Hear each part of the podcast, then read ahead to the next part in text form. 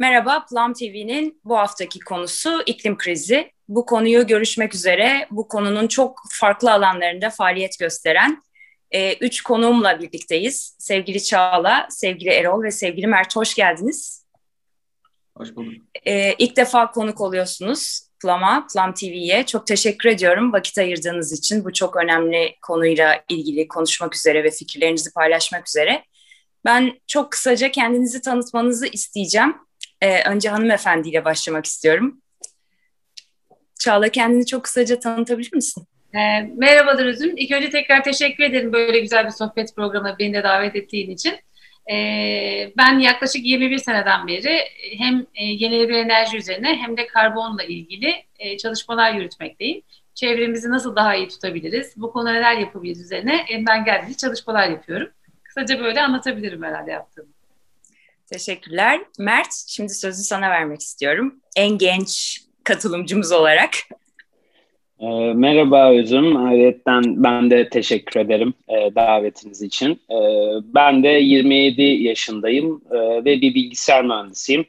E, yaklaşık 4 senedir de According adlı bir sosyal girişimimiz var. Bu sosyal girişimimizde çalışıyorum.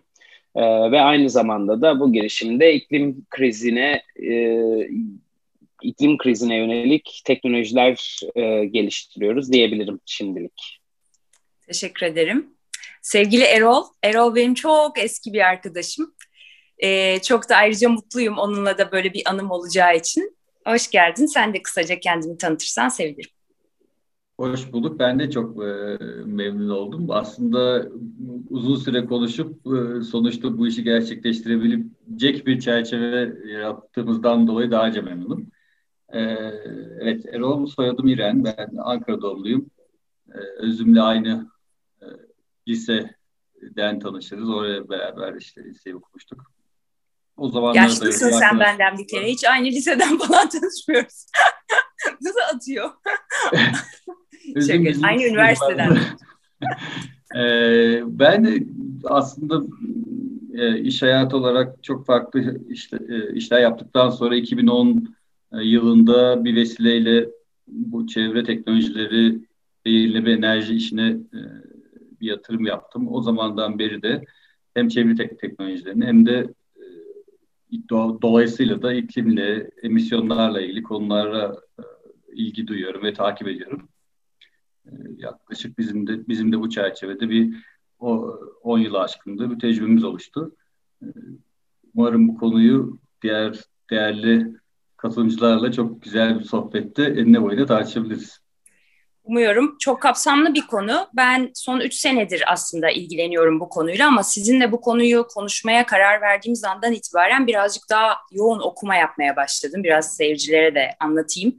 Ee, yani okudukça hani ne kadar bilmediğini fark eder ya insan. Hani orasından tutsanız burasından kalan bir konu gibi aslında iklim krizi. En son olarak da dün akşam Netflix'te yeni yayına giren Sea Piracy diye bir belgeseli seyrettikten sonra hani bu okyanusların ne durumda olduğunu e, hani e, yani kriz yani iklim krizi kullanılıyor dedin ya e, Mert e, toplantımızın başında söyleşimizin.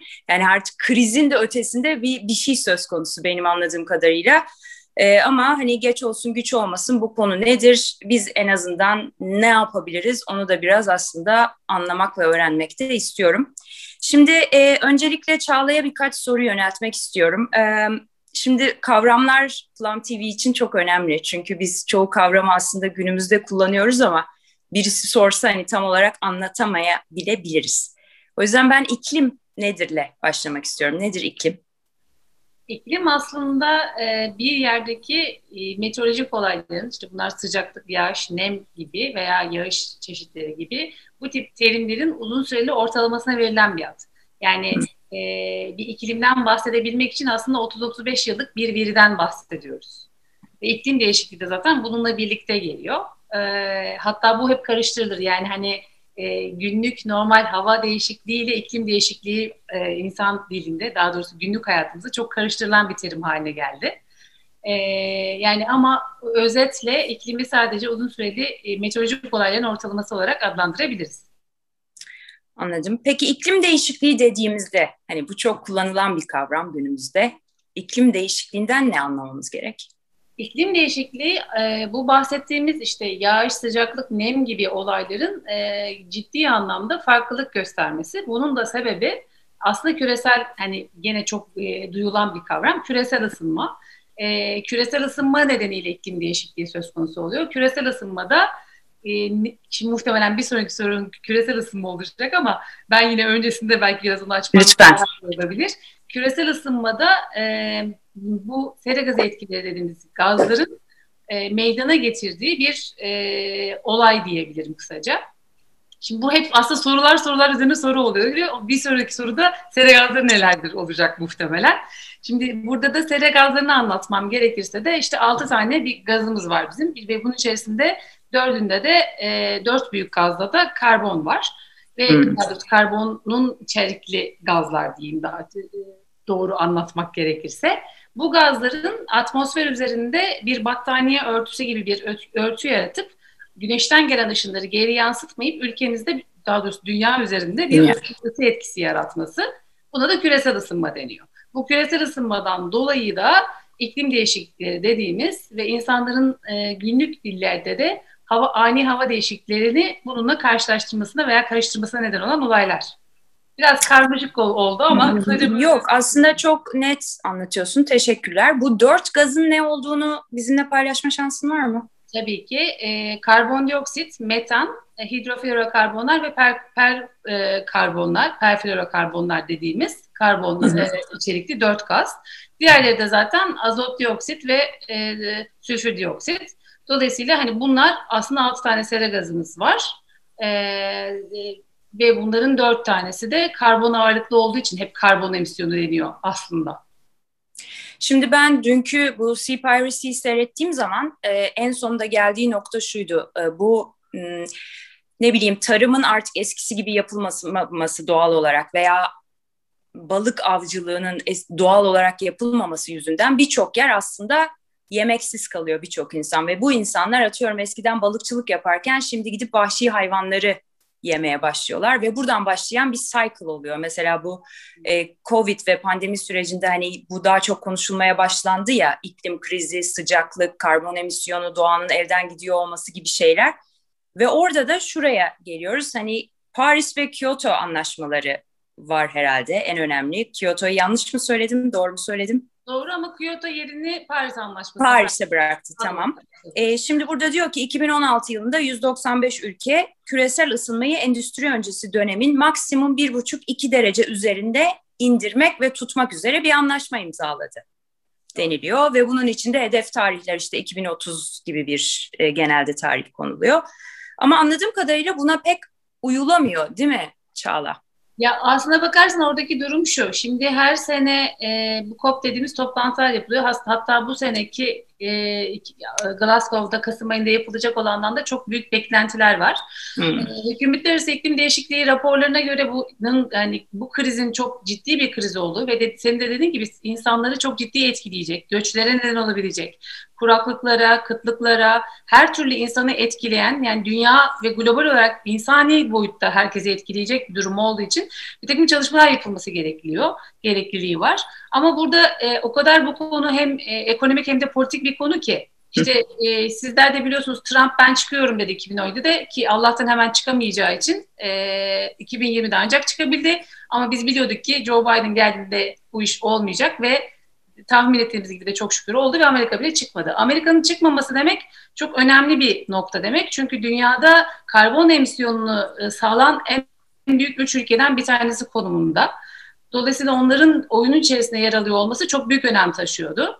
Ee, ama burada hani öyle bir durum var ki dediğim gibi bu hem e, siyasi hem ekonomik hem de politik bir konu olduğu için ülkemizin noktası bambaşka ona da geliriz belki.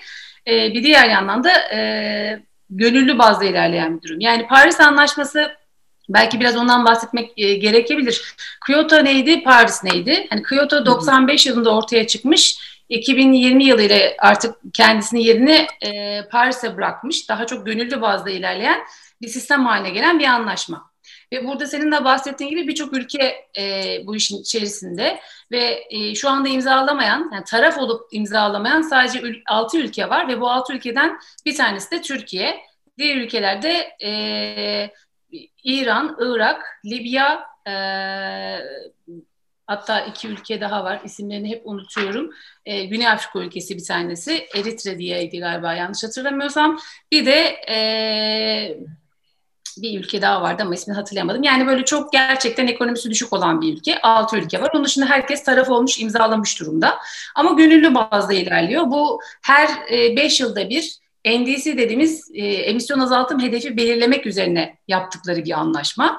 E, her beş yılda bir ülkeler kendi verdikleri e, karbon emisyon azaltım miktarını yenileyecekler ve bu konuda yaptıkları çalışmaları sunacaklar. Ve bu, bundan sonra da ona göre karşılıklı bir e, iyi niyet anlaşması çerçevesinde aslında dünyada neler yapılabiliyor ya da bundan başka neler yapılabilir diye görüşmeleri devam ettirecekler. Ee, bazı yanlardan bunu uygulamak zor, bazı yanlardan kolay ama bir türlü anlaşmaya varılamıyor. Senin dediğin noktaya geliyor. Henüz e, ilerlemiş ya da belli bir noktaya gelmiş durum yok. Sürekli bir pazarlık durumu söz konusu. Ama umarım ki olacak. Hani Glasgow'dan beklentiler bu şekilde diyebilirim. Yani aslında birçok ülkede bir sürü şey yapıyor ama bazı ülkelerde yapmıyorlar yani hani gördüğüm kadarıyla. Bazı ülkelerde hiçbir şey yapmıyor veya yapamıyor veya yapmak istemiyor. Aynen bu işte dediğim çok şey bir konu yani hassas bir konu. Herkesin kendine göre sebepleri var ama aslında dünya tek ve hep hepimizin insanoğlu olarak yapması gerekiyor. Hani her ülkenin hiçbir ülkenin şey demiyor olması lazım. Ya ben bunu yapamam şu şu yüzden demiyor olması gereken bir durum. Aynı koronada bunu Covid'de yaşadığımız gibi ee, başka bir durum yok, başka bir dünya da yok. Tek bir dünya var ve hepimiz burada yaşadığımıza göre hani kelebek etkisi gibi iklim ve hava her yerde herkes için aynı. Dolayısıyla da aslında hiç kimsenin mazeret sunmadan taşın altına elini koyup yapması gereken şeyleri yapması gerekiyor. Evet. Ümitliyiz dünyada. Mert ben bu noktada sözü sana vermek istiyorum. Siz e, According'le çok aslında bu sosyal girişimle e, tarımı başka bir şekilde yapıyorsunuz diyebilirim belki de bilmiyorum. Biraz bahsedebilir misin ve bu yapma şeklinizin Çağla'nın anlattıkları kapsamında nasıl olumlu bir etki yarattığını? Tabii Özüm. Ee, biz aslında ilk yola çıktığımızda bu Çağla Hanım'ın da bahsettiği tüm e, süreçleri yavaş yavaş okumaya başlamıştık ve bu okumaları e, yaptıkça da iklim konusunda adeta dehşete düştük. Çünkü bu kaynaklara erişim e, eskiden şimdi yavaş yavaş popülerleşmeye başlamasıyla beraber artık daha e, çok kaynağa erişebiliyoruz. Ancak e, eskiden e, bunlar çok e, böyle kamuoyunda e, duyulmayan verilerdi aslında. Ama e, süreç geçerken e, artık iklim krizi tüm insanlığın hayatını e, etkilemeye e, başladı ve artık din, dil, ırk fark etmeksizin tüm insanlar e, doğrudan veya dolaylı iklim krizinden etkileniyorlar. E, ve aslında böyle bir süreci de gözlemlediğimiz e, için biz de kendi e, bilgilerimizi kullanarak ve bir e, tırnak içinde bir genç nesil e, olarak neler yapabiliriz dünyamız için değerlendirdiğimizde e, aslında birçok farklı alternatifle karşılaştık. Ee, ve daha sonrasında da hangi dikeyde ilerleyeceğimize karar verdikten sonra da According'i kurduk. Ee, biz ıı, küresel iklim krizine karşı teknolojiler geliştiren bir sosyal girişimiz. Dört yıldır e, faaliyet gösteriyoruz. İçeride Ekodron adlı insan hava araçlarını geliştiriyoruz. E, bu insan hava araçlarıyla ulaşılması zor alanlara havadan tohum topu atışları gerçekleştirerek e, sarp, bölge, e, sarp bölgelerdeki ağaçlandırma çalışmaları e, ile iklim krizi e, iklim kriziyle mücadele ediyoruz. Ağaçlandırma yaparak ve ekosistemi canlandırarak. E, tabii ki burada birçok iklim kriziyle mücadele edecek e, metot var. E, bu metotlardan bir tanesi de aslında ağaçlandırma çalışmalarından geçiyor. E, yapılan araştırmalar şunu gösteriyor ki dünyamızın aslında küresel iklim krizini e, durdurabilmesi için 1.2 trilyon ağaca daha ihtiyacı olduğu hesaplandı Zürich Teknoloji Enstitüsü e, tarafından. E, ve daha sonra da tabii ki bu sayıya erişmek geleneksel yöntemlerle e, zordu ya da ilgili alternatifleri de e, pahalı olabiliyor.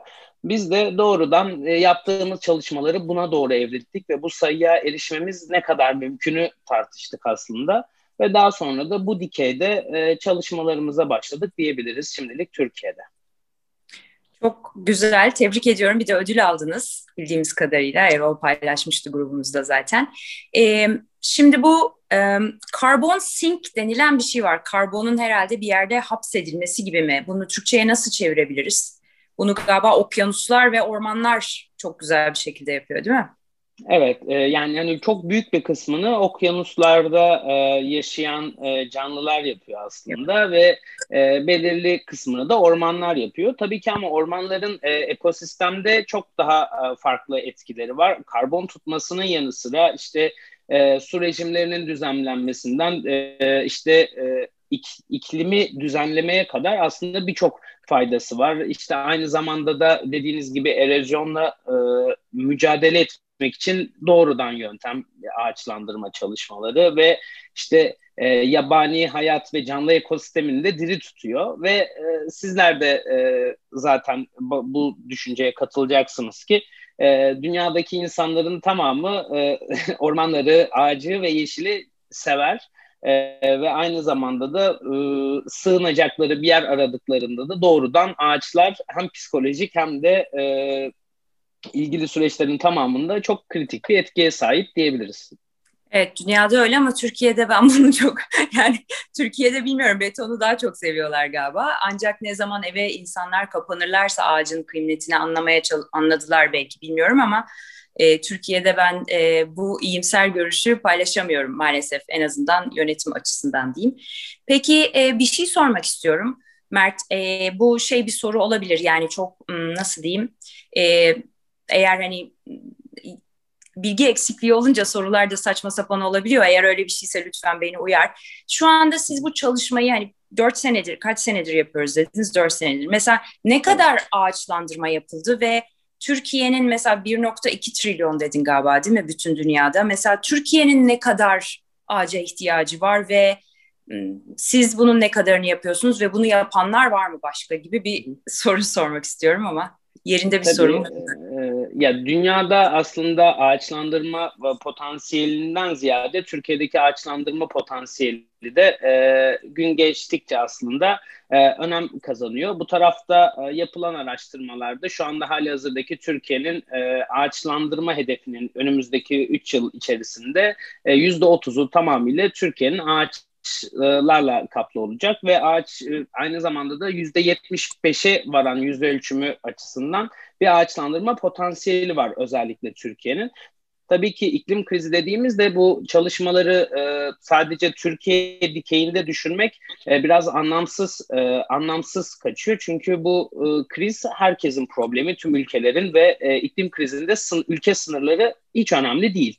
E, ve böyle bir durum söz konusu olduğu için de e, bu tarafta biz tabii ki yeni ve küçük e, tırnak içerisinde bir girişimiz. E, bu, bugüne kadar da 72 futbol sahası büyüklüğünde bir alanda operasyon gerçekleştirdik. E, ağaçtan yapıyor olduğumuz e, bu insan sava araçlarıyla tom topu atışı gerçekleştiriyoruz tabii ki. Tom topu dememizin sebebi de içerisinde kil, mineral, toz gübre, orman toprağı ve tom bulunan topların atışlarını gerçekleştirdiğimizden kaynaklı. Bu sayede minimum maliyet de tohumları soğuktan, rüzgardan, hayvanların yemesinden ve aşırı sıcaktan koruyarak onların çimlenebilecekleri en verimli ortamı yaratmayı hedefledik.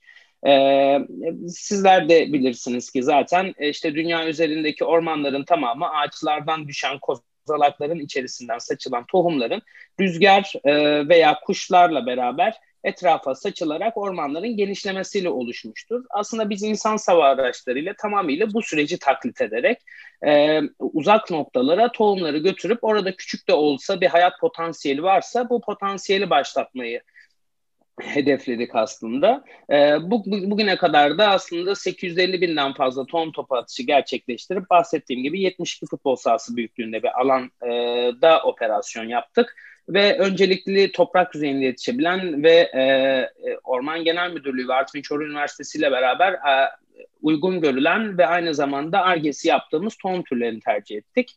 E, bu sayede de aslında bunu biraz daha genişleyerek, genişleterek ve ölçekleterek devam edeceğiz. Çalışmalar için. Kolay gelsin. Çok önemli ve e, güzel bir iş. E, Türkiye'nin belirli bir bölgesi var mı yoksa hani farklı yerlerine mi yapıyorsunuz bunu? Yani evet. ağaç ve ormana daha elverişli yerlerde mi yapıyorsunuz yoksa olmayan yeri ağaçlandırmak gibi bir şey söz konusu olabiliyor mu? Aslında bir, bu konuda birkaç alternatif e, söz konusu. Biz öncelikle argesini e, yaptığımız tohum türlerinin yetişebileceği sahalarda operasyon yapıyoruz. Bugüne kadar Artvin'de, Mersin'de, Ankara'da ve Karabük'te operasyonlarımızı gerçekleştirdik. E, tabii ki e, bu çalışmalarımız gün geçtikçe Türkiye'nin her bölgesinden e, başlayıp ardından e, dünyada bu konuyla alakalı ihtiyaç duyulan alanlarda da devam edecek e, diyebiliriz. Tebrik ediyorum bu kadar genç yaşta güzel bir şey. Ee, sevgili Erol, sen de uzun senelerdir aslında çok e, bu işin farklı bir yanını yapıyorsun. Birazcık onu anlatmanı isteyeceğim senden de. Geri dönüşüm. Demem uygun oluyor mu acaba yaptığın ee, işe? Ya aslında biz bu işe şöyle başladık. Ee, 2010 yılında ben e, 2009 yılında daha doğrusu e, kadın hazır giyim tekstil işiyle uğraşıyordum. E, maya üstü parayolar, işte e, böyle fi, viskos e, el işlemeli e, gece elbiseleri filan. Benim e, yüksek lisansta e, bir Hintli bir arkadaşım vardı. Onlar tekstil iş yapıyorlardı. E, onunla böyle işte yakın bir dostumdu. Neden biz Türkiye'de böyle bir iş yapmıyoruz diye ben öyle bir iş yap yapıyordum hmm. o zamanlar. E, ve de bir arkadaşım da beni dedi ki senin gibi böyle çok enteresan benim de tanıdığım biri var. O da işte çöp işleriyle uğraşıyor. Çöpten elektrik e, filan. Onunla tanış bir arkadaşlık yap dedi. Aa çok güzel, iyi fikir dedik. Biz böyle Gezi Pastanesi'nde buluştuk bir blind date'te. Ondan sonra çok sen ne yapıyorsun? İşte ben ben kadın hazır giyim yapıyorum. Aa, ya mankenlerle evet sen ne yapıyorsun? E ben de çöp sahalarında gidiyorum. çok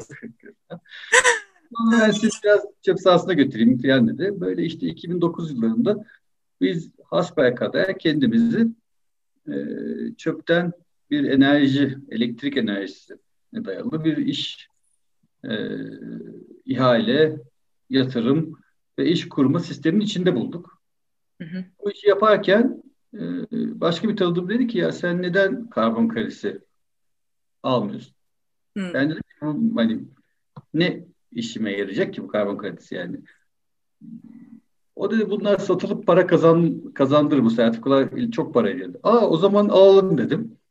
Ben tabii bu süreçli emisyonlar, protokoller, iklim kriziyle alakalı bir yaklaşımdan değil daha çok ticari olarak ya bu çok mantıklı bir iş. Neden biz bunu da madem üretiyorsak e, satalımla başlayan bir süreçle işin içine girdik. Ve Gold Standard karbon işte sertifikasyon sistemine başvuru yaptık. Yani bir mail atıyorsun oradan işte kayda girsin sonra filan filan diye e, hasbaya kadar böyle bir başlangıç oldu. Aslında e, enteresan bir mekanizmaydı ama da hiçbir zaman hani tam olarak anladığımı söyleyemeyeceğim. Hatta şimdi Çağla biraz evvel bahsederken yeni yeni, yeni şeyler öğrendik ki kendisiyle de hani birkaç yıldır tanışırız. E, sonrasında bu iş e, bizim ihale diye bahsettiğim konu aslında Büyükşehir Belediyelerinin katı atık sahalarından e, organik atıkların çürümesi sonucu oluşan gazın toplanarak da elektriğe çevrilmesi işi basitçe. Yaptığımız yatırım ve iş bu. Bu gazın içinde de yüzde 50-55 miktarda oransal olarak metan gazı var. E, metanın atmosfere çıkıp bu e, küresel ısınmaya e, ya sebep doğuracak bir işte birikime yol açmasını engellemek üstüne e, bir sertifikasyon sistemi kurulmuş. Biz de bu gazı yakıp elektriğe çevirdiğimiz için e, bir sertifika alma şansımız doğdu. E, bir taraftan işin e, hani çevre yatırımları, işte atıklarda elektrik üretimi ve onun çerçevesindeki işleri geliştirirken bir taraftan da bu sertifikasyon işleri nasıl oluyor, nasıl fethediliyor, e, küresel ısınma nedir, biz buna nasıl katkı yapabiliriz e, gibi bir e, konu gelişmeye başladı. Özellikle karbon sertifika gold standartının şöyle bir e, tercihi var. Sizin diğer e, emisyon azaltıcı e, faaliyetlerden farkınız nedir? Bilinçlendirme mi yapıyorsunuz? Sosyal faaliyetin mi var? Özellikle olarak yani farklı olarak neyin var ki e, bu sertifika bizim için e, bir diğer sertifikaya göre daha cazip olsun. E, bu buradan da işte sürekli e, içinde olduğumuz, takip ettiğimiz ve de geliştirmek için e, ne yapabiliriz diye düşündüğümüz bir 10 yıl geçirdik. E, geldiğimiz noktada işte iklim krizi diye konuşulan konunun aslında yani bütün herkesin paylaştığı gibi çok global bir konu olduğu, e, etkilerinin global olarak yaşandığı ama çözümlerinin lokalde birçok insanın küçük küçük de olsa bir şeyler yaparak çözebileceği bir konu. Çünkü hiçbir kimsenin elinde bu işi çözecek ne bir tek teknoloji de tek bir parayla bu iş yapamayacağı ortada. Evet. Burada bir kolektif davranış gerekiyor. Onun için de e, bizi de motivasyon olarak ve şey olarak çok e, mutlu etti böyle bir işin içinde. Sosyal olarak da, ticaret olarak da, e, kendimizi geliştirmek olarak da adlandırdığımız, adlandırabiliyorsak hani böyle bir oluşum içinde olmak çok enteresan geldi. İklim krizinin gelmiş olduğu noktada bütün dünyanın bu konuyu belki şu anda öncelikli konu olmasa bile belki de hani herkes ya pandemi daha önce diyor ya da ekonomik kriz diyor ya da e, kendi lokal dünyalarında belki savaşlar ya da krizler daha ön plana çıkıyor. Ama e, alttan alta yürüyen bu krizin dünyanın en büyük krizi olduğu aşikar. E, bunun için de herkesin bir şey yapması gerektiğini düşünüyoruz. Bizim içinde bulunduğumuz e, işte iki tane elektrik santrali aslında işte Çağla'nın bahsetmiş olduğu e, altı kötü gazdan bir tanesinin e, e, toplanarak imha edilmesi için kurulu bir tesis. Biz de şu anda bu iş yapıyoruz yani. Çok güzel. Yani e, ben hani sizi dinlediğim zaman hani o kadar güzel yerinden tutuyorsunuz ki hepiniz için. Şöyle bir şey geçiyor aklımdan. Mesela bu metan gazından elektrik üretilebiliyor. Neden bütün elektriklerimiz o şekilde üretilmiyor? Mesela işte tohumlar atılabiliyor. Neden tohumların hepsi bu şekilde yani bir an önce bir sürü kişi atıyorum mertlerle çalışıp daha fazla yer ağaçlandırılmıyor? Buradaki engel nedir? Burada e, politik ve yani ekonomik engeller mi söz konusu? Bu soru bana mı geldi? Çağla'ya aslında sordum e, danışman diye ama e, lütfen istediğiniz zaman sözü alın. Bu bir söyleşi birbirinize de soru sorabilirsiniz rahatlıkla. E, yani sohbetimiz önemli olan ama Çağla'ya yönelttim ben. Ee, çok güzel bir soru aslında Özüm ama burada tabii ki yani e, bu o kadar çok yönlü bir iş ki e, ve aslına bakarsan o kadar da hassas bir nokta ki hani ben de yıllardan beri hem bu işin içinde olan biri olarak hem de dışarıdan bakmaya çalışan biri olarak değil birçok noktayı anlayamıyorum. Neden dersen.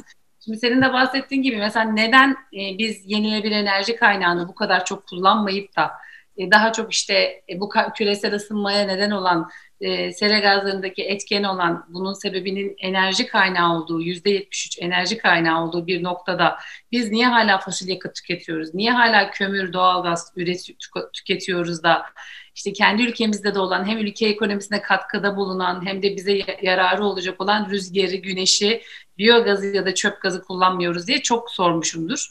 Ve bunu açıkçası anlamak da çok mümkün değil. Çünkü hep e, aslında tüm e, dünya ülkeleri için, sadece bizim ülkemiz için değil, tüm dünya ülkelerinde e, yıllardan beri konuşulan bir yenilenebilir enerji santrallerine kuralım. Bir güneş santrallerini çoğaltalım, rüzgarları çoğaltalım, işte e, çöp gazları, biyogazları yani kullanabileceğimiz tüm yenilenebilir enerji dediğimiz e, çevreye zararı olmayan hem ülke katkısına bulunabilen santral türlerini kullanalım dense de bunların hiçbir zaman önü çok fazla açılmadı açıkçası. E, çünkü öyle bir e, aslında sanayi lobisi dediğimiz lobiler de işin içinde ki hep söylüyorum bu iş aslında hem ekonomik hem de politik bir konu diye. E, dönüp dolaşıp benim yani kişisel olarak aklıma çıkar çatışmaları ve diğer konular devreye gidiyor. Ama bir diğer yandan da hepimiz insanız ve hep aynı noktaya geliyoruz aslında. İnsan olduğumuz için ve tek bir dünya olduğumuz için aslında hepimizin buluşması gereken bir nokta iklim krizini evet. nasıl çözeriz olması gerekiyor. Dolayısıyla senin dediğin gibi hani evet ağaçları daha çok yapmalıyız. Evet yenilenebilir enerji teknolojilerini daha çok kullanmalıyız. Evet işte hepimiz enerji tasarrufunda akıllı lambalar, akıllı sistemler kullanmalıyız. Yani yapılabilecek bireyden firmalara kadar ve ülke ekonomisine kadar herkes e, bir şeyler yapabilmeli ve yapmalı. Yoksa başka bir dünya yok yani yaşayabileceğimiz. Dolayısıyla e, çözüm tek, mantık tek, yapılabilecekler tek aslında.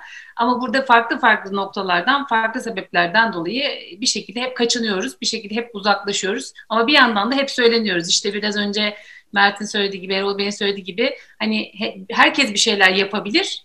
Bir, bir, bir grup evet bunu yapıyor ama bir grupta e, farklı noktalarda işte bahaneler üreterek ya da e, bir haber olmayı seçerek ya da farkında olmadan kenarda durup bekleyerek, izleyerek e, bu şekilde etkin olmak istiyor diyeyim. Ama özetle e, böyle olmaması gerekiyor tabii ki. Çünkü hani yol çok açık, yol çok belli. Yapılması gerekenler çok net. E, dolayısıyla da insanların hani bireyden toplumun bütün e, kesimlerine kadar herkesin bir şeyler yapması gerekiyor. E, yapılabilecek çok şey var. Ben bir ekleme yapabilir miyim? Lütfen.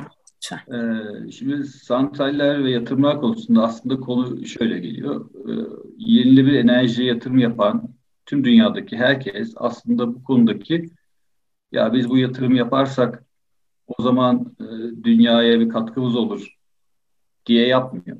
E, tamamen ekonomik olarak teşvikler olduğu için e, işte e, o bölgede farklı kazanımlar yapabileceği için gibi gibi konular sonucu sadece kapitalist bir düşünce üstüne bu yatırımlar yapılıyor. Ee, burada da e, hatta bir üst seviyeden bakarsak mesela Kaliforniya'da bir yayında e, görmüştüm ben. Bu hatta geçenlerde e, bağlı olduğumuz bir dernekte de benzer bir tartışma yaşandı. Yerli bir enerji yatırımları Kaliforniya'da e, o kadar çok yapılmış ki gündüz e, yenilenebilir enerjiden üretilen elektrik diğer santrallerden üretilen elektriğin satılmasına imkan vermiyor. Yani gündüz doğal gazdan ya da kömürden elektrik üretmek, e, terek satmak para kazandırmıyor. Çünkü yenilenebilir enerji santralleri çok fazla. Fakat gece yenilenebilir enerjiler kapanınca bu sefer e, elektrik kesintisi olmaya başlıyor. Çünkü baz santraller gündüz çalışmadıkları için, gece de sadece gece çalışarak da ekonomik olarak ayakta kalamayacakları için yatırım yapmıyorlar, kapanıyorlar ve bas santraller sistemden çıkınca e, yenilenebilir enerjiler gece çalışmaya başla, başlamadığı zaman da bu sefer elektrik sıkıntısı yaşıyor. Bu tartışma Türkiye'de bile geçen hafta işte e, bizim bağlı olduğumuz dernekte şu, şuna getirdi. Şimdi TEYAŞ'ın da olduğu bir tartışma vardı. Bakanlıktan da bağlananlar vardı vesaire. Aslında yenilenebilir enerjilerin limitlenmesi gerektiğini düşünüyorlar. Şimdi bu e, bu konu bir trade-off'a geliyor. Yani siz aslında bir taraftan e, iklim için bir şey yapmanız gerekiyor ama o öbür taraftan başka bir konuyu negatif etkiliyor. Ya da işte bir konuya çok e, teşvik vererek e, normalde olmasından çok daha fazla bir para harcıyorsunuz. E, ama o paranın kaynağı başka bir yerde başka bir resource'u e, sıkıntıya sokuyor gibi yani ekonomik dengede bir boyut bir çember daha uzaktan bakmak gerekiyor. O zaman e, insanların ya da politik alıcıların neden tercihlerini bu tip yaptığını anlamak birazcık daha kolay olabilir diye düşünüyorum. Burada çözüm hani şey sorusu ya biz neden her şeyi e, rüzgarla çözmüyoruz ki e,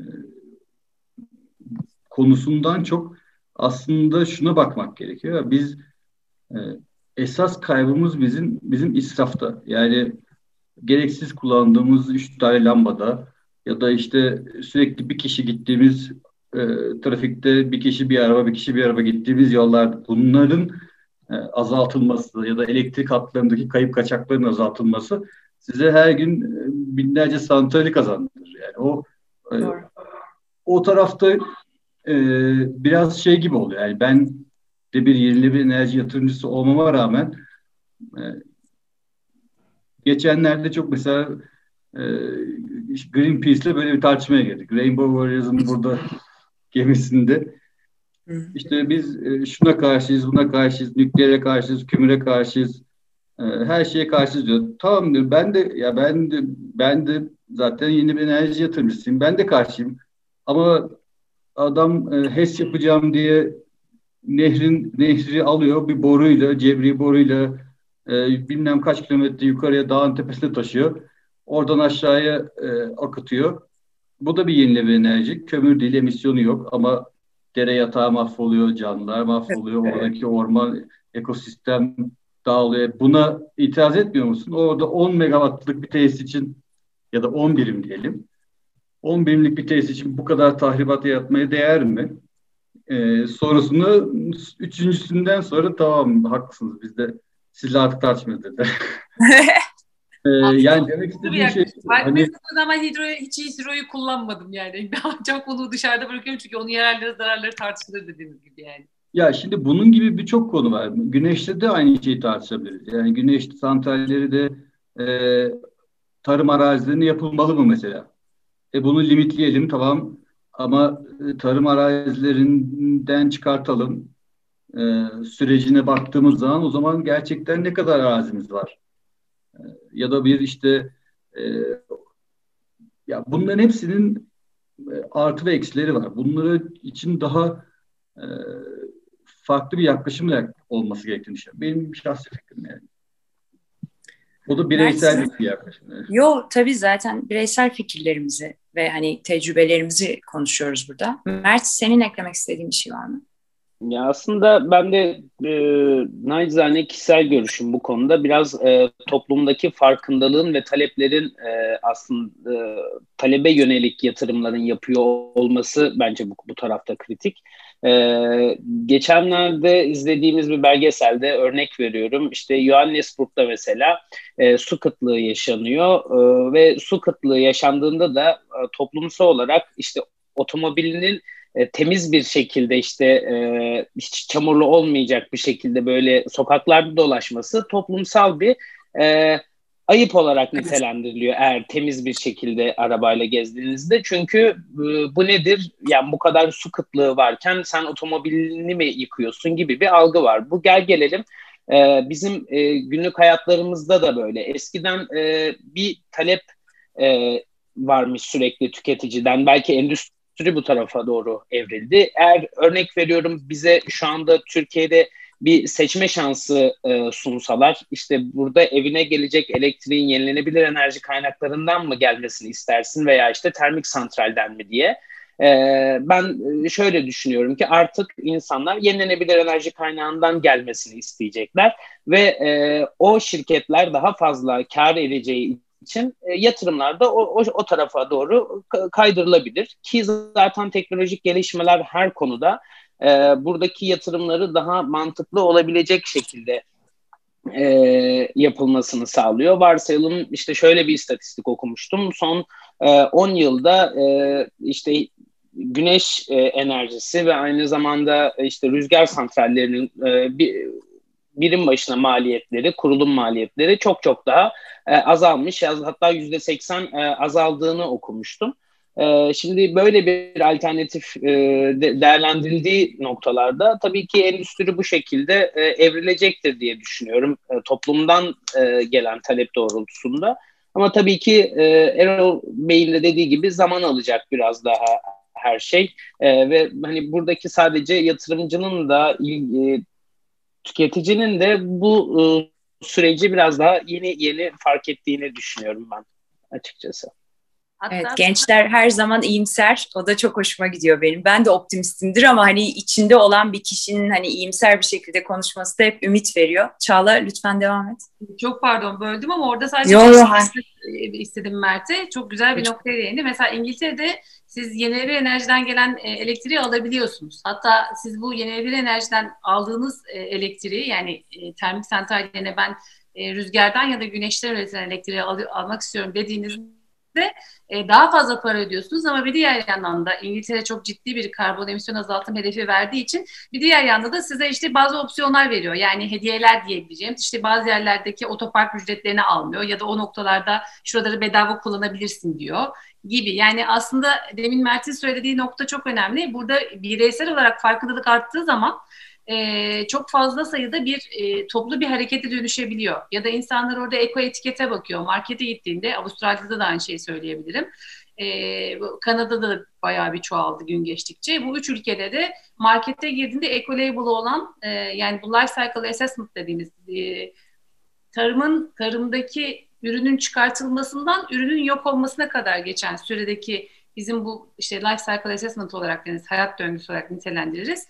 O hayat döngüsündeki karbon ayak izine bakıp ona göre ürününü seçiyor. Dolayısıyla bu bir hani bireysel farkındalık da e, getiren bir konu aslında. Bunu her tarafa her şeye yayılabiliriz. İşte demin Erol Bey'in bahsettiği gibi e, arabayı kullanmak yerine bisikleti kullanmak ya da bir kişi yerine 3-4 kişi e, bir şekilde bir yere gideceksek gidebilmek gibi bu örnekler çoğaltılabilir. Yapılabilecekler çok derken de aslında biraz da bunları vurgulamak, bunlardan bahsetmek lazım belki de. Evet, şimdi bu dediğiniz bu, bu konuya bu... Bu tartışma Lütfen. e, enteresan bir tartışma çünkü e, ben aslında e, yani aile içi tartışmada öyle söyleyeyim. Bizim yenilebilir enerji yani savaşçıları tar- içindeki tartışmada şunu savunuyorum. Biz birçok şeyi aslında makyajlıyoruz ve e, bu makyaj üstünden e, görüşüyoruz. İşte e, mesela yenilenebilir enerji elektriğinin aldığınız sertifikası işte senin biraz evvel bahsettiğin belgeseldeki sertifikalar gibi mi acaba? Hmm. Anlatabiliyor muyum? Sea Piracy'de. Gibi ya da biz bu evet. konuyu konuşurken ben bu önemsiz diye demiyorum önemli bir konu. Doğru yapılması gereken. Buna yüzde yüz katılıyorum ama bu konuyu konuşurken bundan belki bir milyon kat daha büyük işte e, büyükbaş hayvancılık sonrası çıkan e, hayvan dışkılarından oluşan metanın yarattığı etkiyi iyi konuşmuyoruz.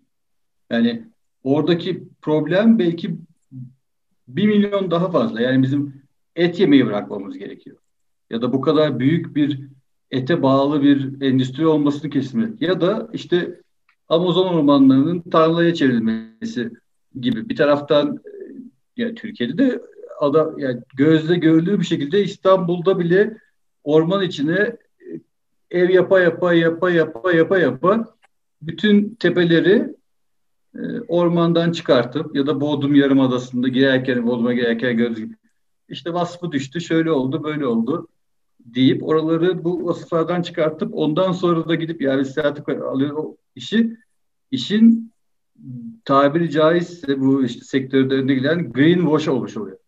Yani biz kendimizi e, bir tür sertifikayla ya da işte yaptığımız 3-5 sosyal yardımla e, temize çıkartıp ama aslında ana konu için bir çözümde bulunmuyoruz. Bu samimi bir yaklaşım değil. Ve içinde bulduğumuz kriz de bu samimi olmayan davranışları kaldıracak boyutta bir kriz değil. Evet. Eğer biz buna samimi bir şekilde yaklaşmazsak, yaptığımız işlerle yüzleşmezsek o zaman sonucu çok ağır. Bunun aymazlığını yaşamak çok kötü. Ben en büyük sıkıntı burada. Yani insanlar e, hala ya evet iklim krizi çok büyük vesaire vesaire ama biz işte e, gidelim e, e, yani aksiyon yapalım hayat, özel hayatımızda ama yüzde beşlik dünyada da bunu savunmaya devam edelim gibi bir e, iki yüzlü bir davranış içinde bulunuyorlar. Bu açıkçası. genel insanoğlunun yapısı ama bence. Yani gen, bu biraz da bilinçlenmeyle alakalı. Ben hala aynı şeyi savunuyorum. Bu bir, bu farkındalık olduğu sürece e, bu bilinç seviyesi olduğu sürece bence insanlar ona göre davranıyor. Yani tabii ki dediklerinize katılıyorum ama bir diğer yandan da bunu samimi bir şekilde elinden geleni yapmaya çalışan büyük bir kitle de var dünyada. E, ve hani e, ya bunun dengesine bakmak e, söz konusu. Bir de hani gerçekten de e, hani bardağın dolu tarafına bakmak. Hani yoksa tabii ki hayıflanabiliriz, tabii ki negatif bir şeyler bulabiliriz ama bir diğer yandan da e, bir hareket yapıp bir şeyler yapmaya çalışmayı da takdir etmek lazım.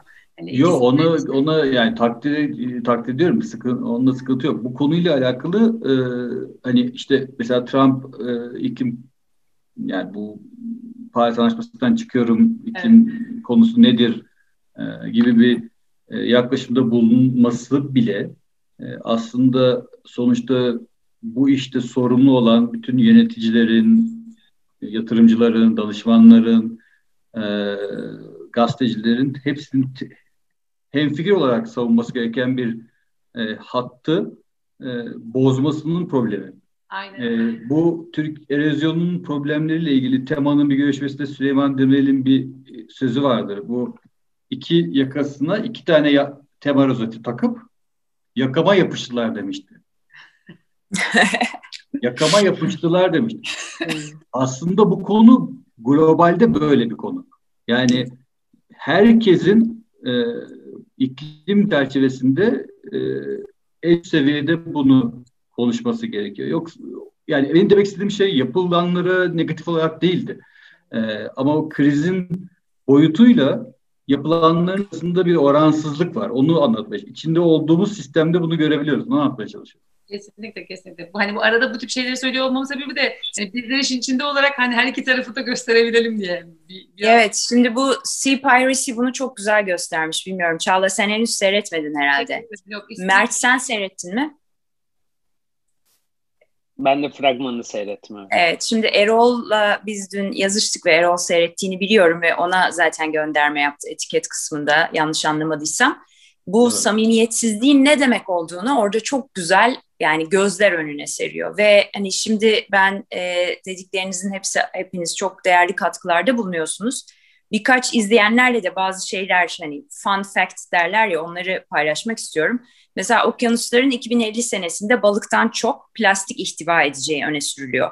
Ve yapılan hani çalışmalara göre okyanusların yüzde dördü değil sadece yüzde birinden az bir kısmı şu anda koruma altındaymış. Okyanusa yılda 8 milyon çöp atmaktayız diyorlar. Ee, tabii ki ısınan okyanuslar hem iklim değişikliğini hem denizlerdeki yaşamı çok olumsuz etkiliyor ve insanların yani onda dördü gibi bir oranı geçimini denizlerden sağlıyor, geçimini ve beslenmesini ve yüzde yetmiş oksijen denizler tarafından sağlanıyor. Yüzde doksan küresel ticaret denizler yoluyla yapılıyor ve okyanuslar yüzde yirmi beş oranında karbondioksit muhafaza ediyorlar. Şimdi aslında okyanus kocaman bir havalandırma, air conditioner görevi görüyor diyor. Yani bizim bu kadar cehennemi bu dünyada ısınmamamızın nedeni aslında okyanus. Ve bunu seyrettiğiniz zaman o iki yüzlülüğü ve samimiyetsizliği çok güzel gözler önüne seriyor. Çünkü birçok benim de Instagram'da takip ettiğim ve iyi olduğunu düşündüğüm okyanusla ilgili e, girişimlerin, sosyal girişimlerin aslında e, sermaye ile iş yaptığını ve bazı konularda çalışmadığını ve aslında mesela plastik diyorlar. Plastik bu işin o kadar ufak bir kısmı ki diyor. Yani kıyaslandığında okyanusa kıyasla. Yani o yüzden şimdi dikkati başka bir yere çekip aslında başka bir yerde de eksik kaldığımızı gördüm ben ve orada bir marin biyolog bir hanımefendi var çok e, eski ve bilinen bir kadın ismi şu anda aklıma gelmiyor Erol senin hatırındaysa söyle. Kadın diyor ki yani aynen dediği gibi bir tüketim yani ben diyor balık yemiyorum ve hayvan da yemiyorum artık. Mesela bir tane tişört için 15 milyon, 15 milyon litre mi ne öyle inanılmaz 15 bin litre mi benim o sayı mevhumum çok iyi değildir su harcanıyormuş. Ben seneler önce bu kişisel görüşüm olarak bu konulara girmeden önce bile mesela insanların ne kadar çok spor ayakkabısı var değil mi? Yani hani e, bir tane spor ayakkabısı yeter değil mi? O şimdi ayrı değil mi? Spor ayakkabı. O ayrı bir konu. Ama tüketim işte consumerizm kapitalizmin zaten özü yani. Bir yerden hepsi birbirine bağlanıyor ama Erol bunların işte. İşte bu da paylaşımlı paylaşımlı alternatifler e, çıkmaya başladı artık. Şimdi tüketici de tabii ki şey sürecini so, sürdürülebilirliği sorguluyor. İşte e, örneklerini daha fazla görmeye başladık bence e, en azından yeni e, dünyada. Varsayalım e, eskiden işte belki hayvanların kürklerinden yapılan e, kıyafetlerin satılması ahlaki bir olarak çok büyük bir probleme yol açmazken sadece belirli bir kitlenin ses çıkardığı bir şeyken artık toplumun e, çok çok daha e, toplumun çok çok daha büyük kitleleri tarafından e, tepki görüyor ve artık endüstride onu e, üretmemeye başlıyor. Bence bu tarafta ilgili alternatifte de o şekilde. Artık paylaşımlı alternatifleri değerlendirmeye başladı insanlar. İşte bu konuyla alakalı teknolojiler e, ortaya çıkmaya başladı ve bu da e, bence bu süreci, bu söylediğiniz metrikleri öğrenen insanlar için daha kritik e, olmaya başlıyor. Açıkçası ben en azından o şekilde düşünüyorum. Evet yani başka bir yolu da gözükmüyor benim anladığım kadarıyla. Yani azaltacağız ve paylaşmaya başlayacağız. Çünkü zaten yakında bir şey kalmayacak. Yani o yüzden hani e, Erol'un dediğine katılıyorum. Çok ciddi bir kriz var. Mesela iki samimiyetsizlik derken mesela bazı ülkelerin uygulamalarını gösteriyor. Danimarka ile ilgili bir haber var mesela veya isim vermeyeyim. İşte bir ülke çok güzel en büyük rüzgar e, işte rüzgardan elektrik üretecek adayı yapıyor. Ama bir yandan işte ona ait olan Faroe Adaları'nda hala e, balinaları işte avlayıp öldürüyorlar. Yani şimdi hani bir yer böyleyken bir yer böyle. Şimdi bu hani bir bütünlük olmalı. Yani Erol'un dediği gibi bir yerden sertifika alırken sen orada bir tesis yapacağım diye bir sürü araç, ağaç ortadan kaldırıyorsan orada zaten bir tutarsızlık var ve benim bu olayın tamamına baktığım zaman da fark ettiğim özetle bu oldu gerçekten. Burada e, iki tane konu var. Bir tanesi işte bu dediğim, yani es, çok eskide aslında bunu yaşadı, Türk dünya yaşadı. E, asit yağmurlarıyla yaşadı. Yani asit yağmurları başka ülkelerin yaratmış olduğu problemlerin sonuçlarını yaşayan başka ülkelerdi. Ve oradaki çiftçilerdi ya da ormancılardı. Şimdi bizde de global e, iklim krizinin yaratmış olduğu problemleri lokalde e, çiftçiler yaşıyor, lokalde e, bir işte köyde yaşayan e, aile yaşıyor. Çünkü e, sel oluyor ya yavaş kayıyor. İşte İsviçre'de buzullar eriyor. E, yani globalde bir takım alınması gereken önlemleri ve politikaları almayan yönetici, politikacı, üst düzey iş adamlarının sonuçlarını çok toplumun çok alt kesimindeki insanlar lokalde yaşıyorlar seller oluyor, balıklar işte vesaire. vesaire. Bununla ilgili bir e, farklılık var. Bunun e, iki tane mücadelesi var. Bizlerin içinde olduğu, işte kendimizin birebir yapacağımız işler, içinde olduğumuz e, iş dünyası ya da çevremiz sayesinde bu yöne doğru yap, uygulayabilecek baskılar ve çözüm yöntemlerinin tartışılması. Bunu yapabiliriz. Ve de en önemlisi aslında bilinçlendirme işi. Yani biz yani ben bir yenilenebilir enerji yatırımcısı olarak bile e, kendi santralimde insanlara, kendi çalışanlarımıza küresel ısınma bak metan işte çıkıyor atmosferde birikiyor işte yeryüzünden güneş ışını yansıyor. Ee, orada bulutta biriken metana çarpıyor geri geliyor toprağa kurutuyor an, anlatmak bizim bile içinde olduğumuz bir e, yapıda hani ya bunu anlatma gereği varsa bizim dışımızdaki insanların bunu bilmemiş olması çok normal. Hani, evet. hani kötü bir tespit oldu ama normal. Yani Yo çok doğru şey de düşündüm. İnsan görmediğini de anlamakta zorlanıyor ya Erol. Şimdi bunlar aslında oluyor ama görmüyoruz ya. Yani yaşıyoruz ama böyle şey bir etkide yaşıyoruz. Bu hani işte hani, e, iklim yavaş mücadelesiyle yavaş. ilgili e, İTÜ'de bir profesör vardır. Nusret Dayfes diye. E, tanımışsınız bilmiyorum. ismini bu şekilde geçmiş olalım. Benim de e, yeğende üst düzey bir arkadaşım vardı. O tavsiye etmişti Nusret Hoca'ya bir konuş bu sistemi en basit nasıl anlatabilirsin diye. İşte bu hani yerden yansıyan metandan e, nın geri yansımasını biz bir grafiğe dönüştürdük ve bu grafiği santralde işte 180'e 180 büyüklükte bir pano yapıp duvara astık. Gele, gelenlere de bakın biz metan hani metandan elektrik üretiyoruz. Yenilemene. Ama bak metanı biz toplamadığımız zaman işte havaya kaçıyor, havada birikiyor. Ona göre güneş ışını oradan yansıyor, geri geliyor. Senin tarlandaki işte ekinleri erken açtırıyor, geç soldurtuyor. Aşırı yağış, aşırı dolu, e, verim düşüklüğü bunu e, an, yani bunu anlatabilmek e, sadece bizim değil bizim içinde olduğumuz sektör ya da, da yani kitlenin hepsinin yapması gereken bir zarurilik olmuş oluyor. Çünkü diğer taraf haklı olarak kimse ona bu problemi bu şekilde düzgün bir şekilde yani düzgün de demeyeyim kendine göre bir dille anlatmadığı için olayın dışında ve sadece sonuçlarını yaşıyor. Ve negatif olarak yaşıyor. Halbuki olayın içinde olup bunu kabul etmeyip yukarıdakilere ya siz bunu hani sizin yapmadığınız işlerden dolayı işte hala kömür santraline izin verdiniz. Hem de ithal kömüre izin verdiniz Türkiye'de. Yani hadi doğal kömürü anlarım da ithal kömür. Bu şey evet. gibi yani Aquapan'la su getirmek gibi İtalya'dan yani Türkiye'de erikli mi yok yani şey mi yok hiçbir doğal su yok da adam İtalya'dan su getiriyor Türkiye'ye yani kamyona koyuyor şişeye koyuyor cam şişeyle buraya taşıyor. Bu mantaliteyi kabul edebilen bir zihniyetin olmasını e, engellemek gerekiyor. Öbür türlü bu iş çözmemiz çok zor.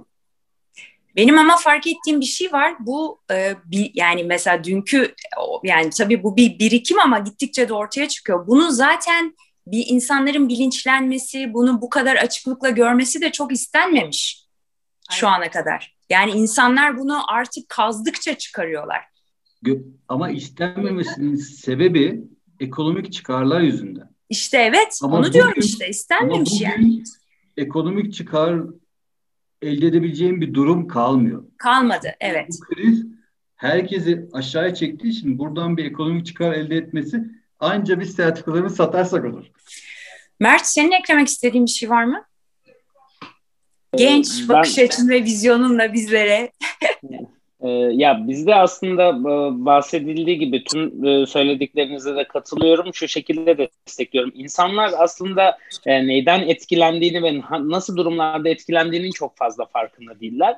Bizler işte atışını gerçekleştirdiğimiz tohum toplarını mesela iklim değişikliğinden dezavantaja uğrayan ve ekim sahalarımıza yakın bölgelerde yaşayan kadınlarla beraber üretiyoruz e, ve ardından üretilen tohum toplarını onlardan satın alıp kendi e, at- ağaçlandırma sahalarımızda e, atışlarını gerçekleştiriyoruz. E, onlarla bazen konuşurken aslında e, hani iklim değişikliği seni nasıl etkiledi dediğinde e, dediğimizde iklim değişikliğinin ne olduğunu bilmeyebiliyorlar ama e, ya eskisi kadar işte e, tarım yapamadıklarından e, veya işte çeşitli dumanlardan etkilendiklerinden bahsediyorlar mesela. Yani e, biraz daha altını kazdı, kazdığımızda ve insanlar işte hangi kaynaklı hangi durumlardan kaynaklı o hale geldiğini analiz etmek gerekiyor. Bahset, bahsedildiği gibi yani Somali'de işte e, kontrolsüz kaçak avcılık oradaki balıkçılığı öldürdü. Ardından da insanlar korsan oldu orada şimdi. İşte e, deniz korsanlığı yapıyorlar. E, yani hani bunlar hep birbirine bağlı şeyler. E, Erol Bey'in de Çağla Hanım'ın da söylediği gibi. Ve e, yani hani bunlar, bu biraz daha böyle uçtan uca e, şeffaflıkla ilerlemesi gereken bir sistem bence. E, tüm işte çevreye duyarlı yapılan faaliyetler ama e, tabii ki bunların kontrolü, işte doğru bir şekilde e, analizi ve ilgili süreçlerin yönetimi de zaman e, alıyor aslında. Bu yeni teknolojilerle beraber bunların tüm şeffaflık süreçleri de bence çok daha e, iyi ilerleyecektir. E, ya ekonomik kaygılar, ekonomik kaygılar da varsayalım e, şeyden geride kalsın yani çok da önemli değil. E, dünyanın e, iyiliği için olacaksa e, bence herkes e, bundan e, taviz verir diye düşünüyorum ben. Ümit ediyoruz, ümit ediyoruz. Yani e, o ekonomik kaygısı olanlar tabii hani öleceklerini unuttukları için ara sıra yani hani ve o ölümün de nasıl olacağı hani dünya böyle giderse onu da kestiremiyoruz. E, çok tabii geniş kapsamlı bir konu ancak süreyi de gözetmek durumundayım. E, şimdi size biraz e, sizi zorlayacağım. Bizi izleyen kişilere e, üçünüzden de şey söylemenizi isteyeceğim. Yani pratik olarak ne yapabilirler çevreye saygılı olmak adına veya doğayı korumak adına? Yani, aynı anda söyleyelim yoksa yani bir, iki, üç deyince mi söyleyeceğiz yoksa şey? Üçünüz aynı anda söyleyeceksiniz. Önce sen söyleyeceksin Erol bu espri yaptığın için. Söyle. ee, ya ben e, ben bunun birçok şeyi var aslında. E, ben ilk olarak e, az tüketmek üstünde e, olduğunu söylüyorum. Yani bu her şeyi e, gereksiz olan e, işte sen spor ayakkabısı dedin ama e, yani işte kıyafet olabilir, Tabii. seyahat olabilir. Her şey yani örnek. Gıda olabilir. Ya yani bu gereksiz olacak işlerin e, fazla olanlarını kullanmamak, tüketmemek. Yani ben e, 2000 pardon 1996'da bir kayak montu almıştım. E, bugün hala aynı kayak montunu giyiyorum. Yani bunun gibi. Bunu çünkü zaten Tebrik ediyorum. Valla bu çok yani ben çok saygı duyduğum bir şey bu gerçekten benim. Ya bu tip bir şey bu bu aslında bizim yani iklimle ilgili e, ya da işte e, geri dönüşümle, normal hayatla, trafikle bütün her şeyin aslında ana problemi. Ya biz şimdi elimizde sağ olsun pandemi diyeceğimiz bir Zoom toplantı setup'ı çıktı ve seyahatlerimiz azaldı. Eskiye dönüp bakıyorduk. Bir toplantı için Ankara'ya git, uçağa bin, hop geri gel, e, geri git. Be, e, olmadan da olabiliyormuş.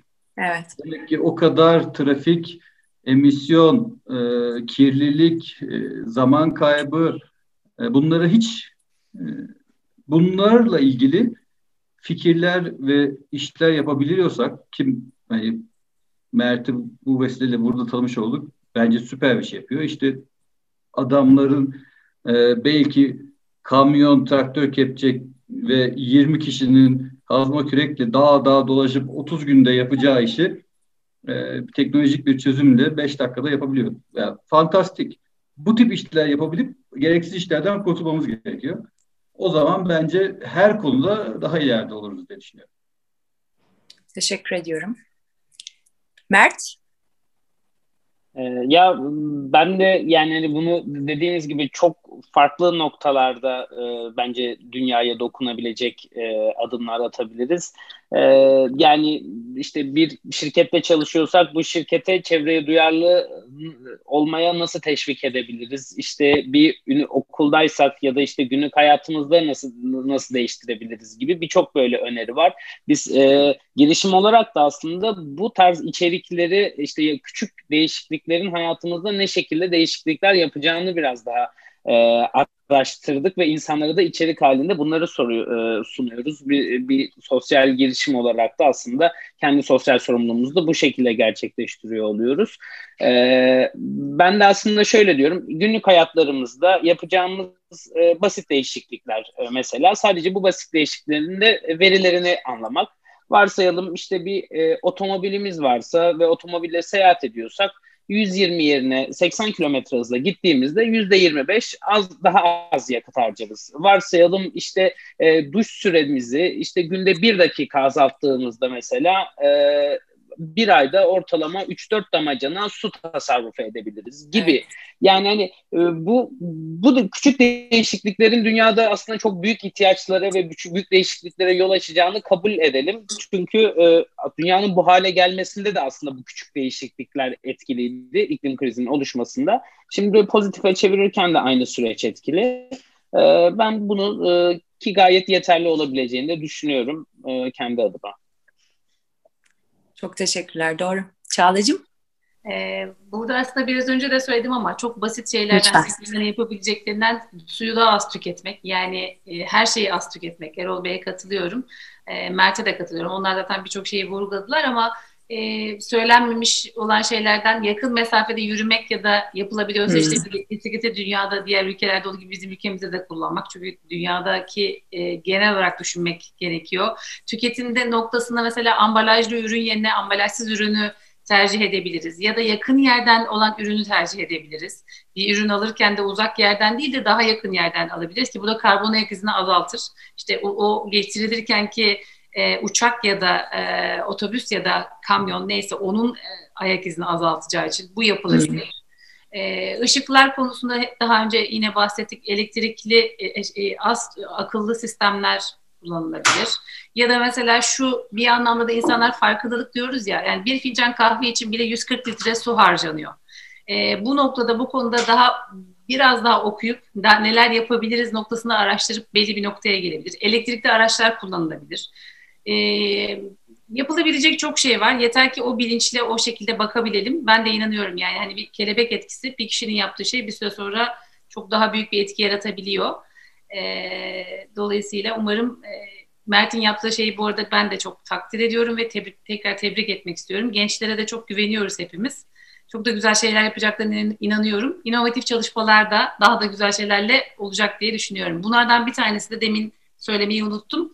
E, rüzgar ve güneşin depolaması gelirse şayet e, zaten doğalgaz ve kömürün yeri kalmayacak. Kal. O yüzden hani o anlamda da bizi güzel bir gelecek bekliyor olacak. Evet. Biz sadece biraz daha farkına varalım bazı şeyleri ve hareketlerimizi işte alışık olduğumuz düzenleri değiştirebilelim yeter ki. Ee, çok Şimdi, teşekkür ediyorum. Buyurun Zerol Bey.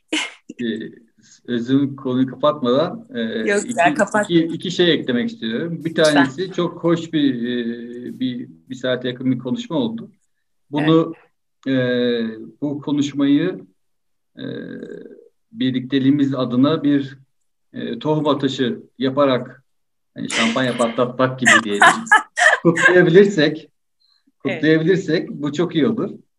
Ee, biz zaten hani Mert'le ben bu tanışmanın sonrasında firma olarak da çalışmak çalışmak istiyorum. Onu da ayrıca gö- gö- görüşmek istedim seninle ama ben de ben de bugün, bugünü bugünü bir tohum atışıyla kutlayalım. Ee, Olur. Hem maliyetleri çıkart, biz paylaşalım ve bu bu yarattığımız sohbeti e, adını bugün tarihli konuşmaya bugünlük bir tohum atışı yapmış olalım. Bunun Ay ne kadar güzel bir fikir, süper. Evet. Bir, bir de e, aslında şunu da e, yapılacaklar konusunda şunu da eklemek istiyorum. Biraz politik bir ölçü olacak ama bizim e, Paris Anlaşması'na taraf olmamız gerekiyor.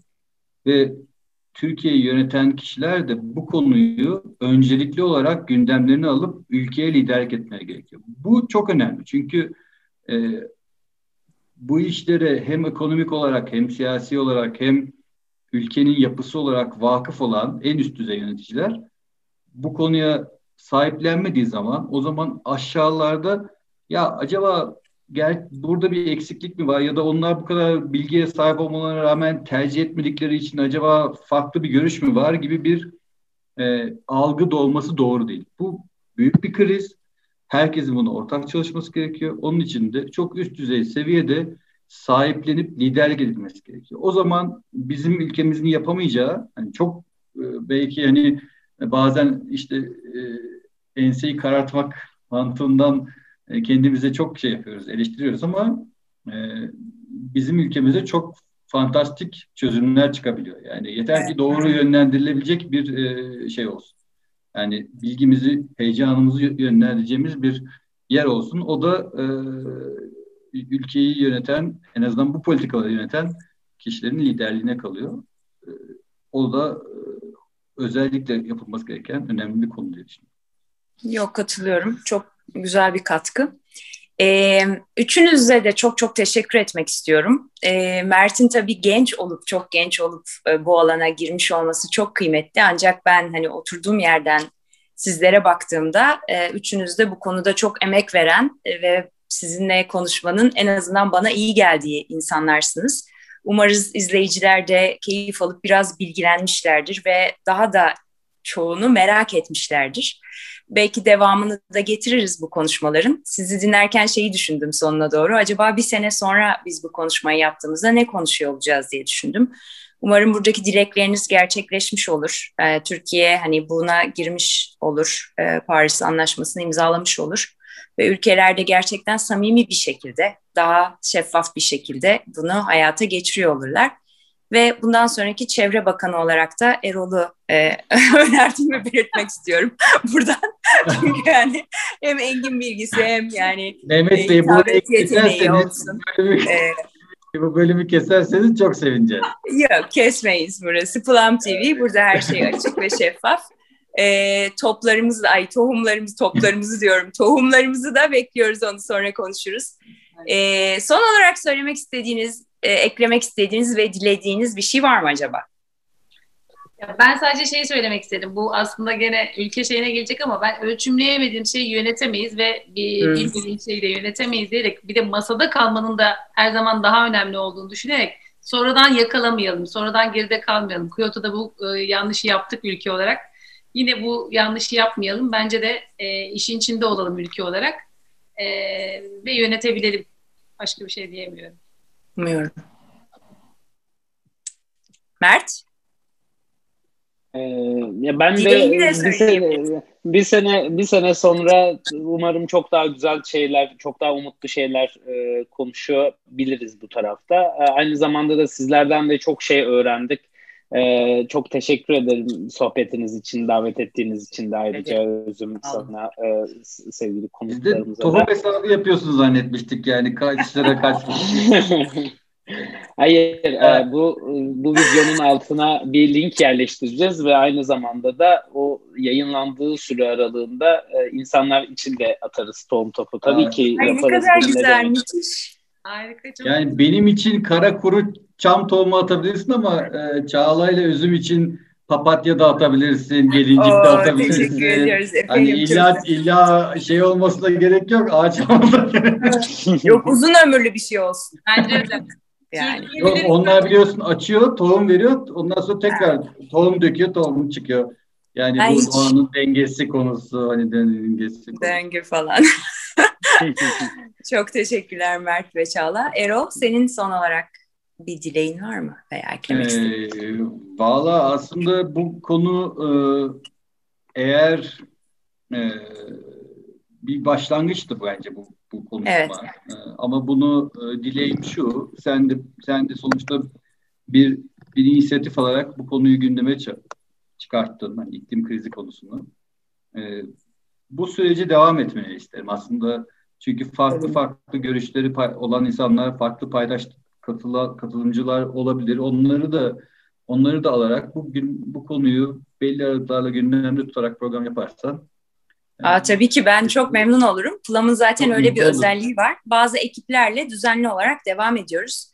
Yok hani bu... biz illa biz katıl, e, ben şimdi tahminen bundan sonra ulusal yayında da e, çağrılacağım canlı yayına. şey, Çevreden sonra devlet yani, bakanı. Olabilir. Olabilir yani biraz popülarite artarsa o zaman zor olabilir yani vakit ayırmam. Ama genç arkadan gelecek arkadaşlara ee... hani, fırsat tanımak açısından. Sensiz olmaz Erol'cüm. çok çok yani ben aynı şekilde düşünüyorum. Çok güzel bir genel bir çerçeve çizdik ve hani herkes alanını da oldukça bence kapsamlı bir şekilde anlattı. Genel olarak da konuştuk. Ee, umarım devamı gelecektir. Tekrar çok çok teşekkür ediyorum hepinize vakit ayırdığınız için, değerli bilgileriniz, katkılarınız için. İzleyenler de umarım keyif almışlardır. Alas ısmarladık.